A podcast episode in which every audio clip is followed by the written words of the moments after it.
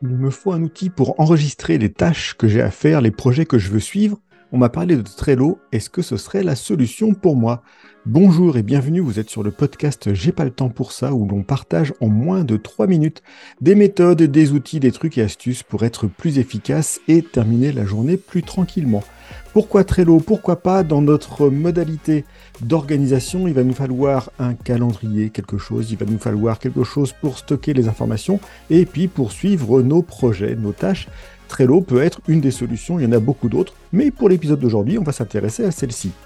Quelle est la particularité de Trello? La première, c'est son organisation en colonne. On parle de Kanban ou de Kanban. C'est une formulation en colonne où on va retrouver tout simplement les tâches qu'il y a à faire, les tâches qui sont en cours et les tâches que vous avez faites.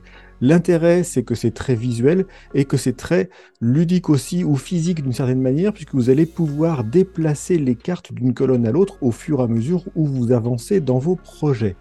Trello n'est pas limité à cette structure à faire en cours fait, vous pouvez changer les titres des colonnes et vous pouvez l'adapter à vos besoins.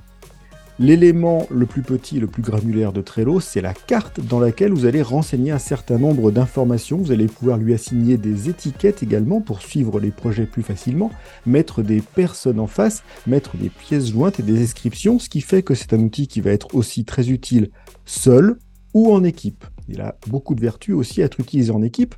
Dans une carte Trello, chaque carte va pouvoir représenter une tâche, mais également contenir des sous-tâches via les checklists. Et c'est ça qui devient intéressant, c'est que vous allez pouvoir en fait définir les choses de manière très précise, jusque y compris avoir des personnes différentes pour chacun des éléments, donc identifier des personnes pour chacune des tâches, identifier des dates pour chacune des tâches qui sont dans la checklist.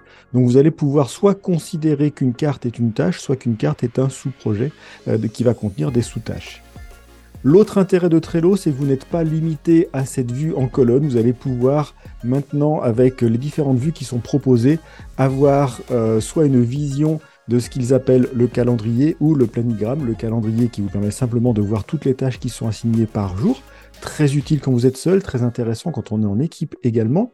Et également voir la vue dite chronogramme, euh, une forme de diagramme de Gantt dans lequel vous allez définir non seulement la date de fin de la tâche, mais aussi la date de début, et de voir un petit peu le déroulé complet, ce qui peut aussi permettre, comme d'autres outils, de comprendre la charge de travail qu'il y a dans les différentes personnes de l'équipe si vous choisissez d'utiliser Trello en équipe.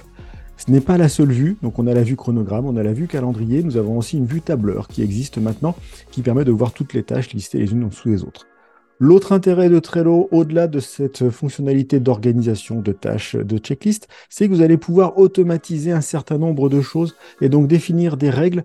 Euh, c'est très utile aussi pour gagner du temps sur votre façon de gérer les tâches. Ça peut être aussi utile en équipe pour encourager certains comportements. Par exemple, quand la tâche va être passée directement sur fait, ça va permettre d'enlever la checklist, d'enlever les dates, donc de simplifier un certain nombre de choses.